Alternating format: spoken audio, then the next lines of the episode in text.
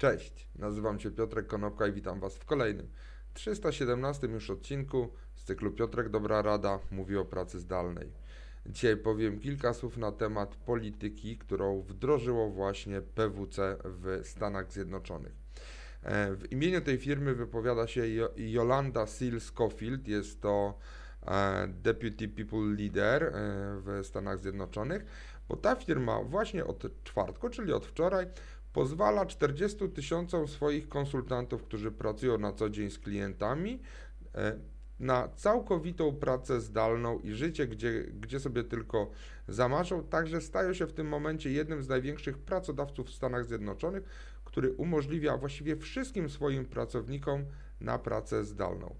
E, ta polityka, która została wdrożona w czwartek, powoduje, że e, pracownicy będą skłonieni do tego, czy będą zapraszani do tego, żeby pojawiali się w biurze tylko 3 dni w miesiącu, a chodzi o to, żeby można było zrobić jakieś spotkania z bardzo ważnymi klientami, spotkania grup roboczych, czy e, generalnie spotkania, które powodują, czy wymagają obecności fizycznej ludzi w jednym miejscu.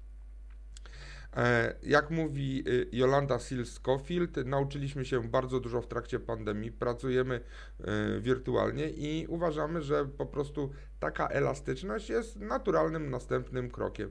I jeżeli pracownicy mają dobre wyniki, mają dobre relacje z klientami, to znaczy, że po prostu mogą pracować zdalnie, koniec, kropka.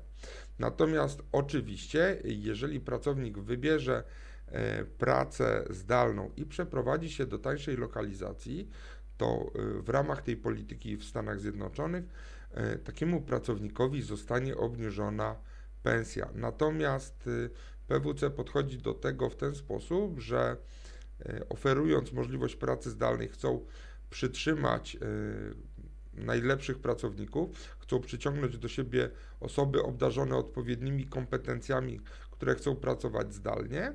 E, I zdają sobie sprawę z tego, że e, ta praca hybrydowa w takim wydaniu właściwie e, w 100% zdalnym, gdzie tylko 3 dni w miesiącu będą w biurze, to będą mogli zarządzać w odpowiedni sposób tą pracą hybrydową. Zgodnie ze swoimi wewnętrznymi danymi, około 35% pracowników przyjmie ofertę pracy zdalnej, nawet z obniżeniem pensji. Biorąc pod uwagę to, że w PWC w Stanach pracuje 55 tysięcy ludzi, to 40 tysięcy ludzi, którzy będzie miało pracę czy możliwość pracy zdalnej, e, to oznacza, że tak naprawdę cała firma przechodzi w model pracy zdalnej. E, PWC nie zamierza zmieniać e, obecnie istniejących umów dotyczących biura, ponieważ mówią, że te przestrzenie będą wykorzystywane do współpracy pomiędzy pracownikami, nie rozwijają natomiast szerzej tego tematu. I na dodatek y, była też niedawno informacja, że PWC chciałoby w ciągu następnych pięciu lat na całym świecie zatrudnić ponad 100 tysięcy osób, a przypomnę, że w tej firmie dzisiaj pracuje blisko 300 tysięcy osób na całym świecie. Czyli pomimo pandemii, pomimo pracy zdalnej i przechodzenia na pracę hybrydową w swoim własnym wydaniu, firma z 300 tysięcy zamierza urosnąć do 400 tysięcy pracowników. Czyli jednak i produktywność rośnie, i biznes rośnie, i da się to wszystko pogodzić.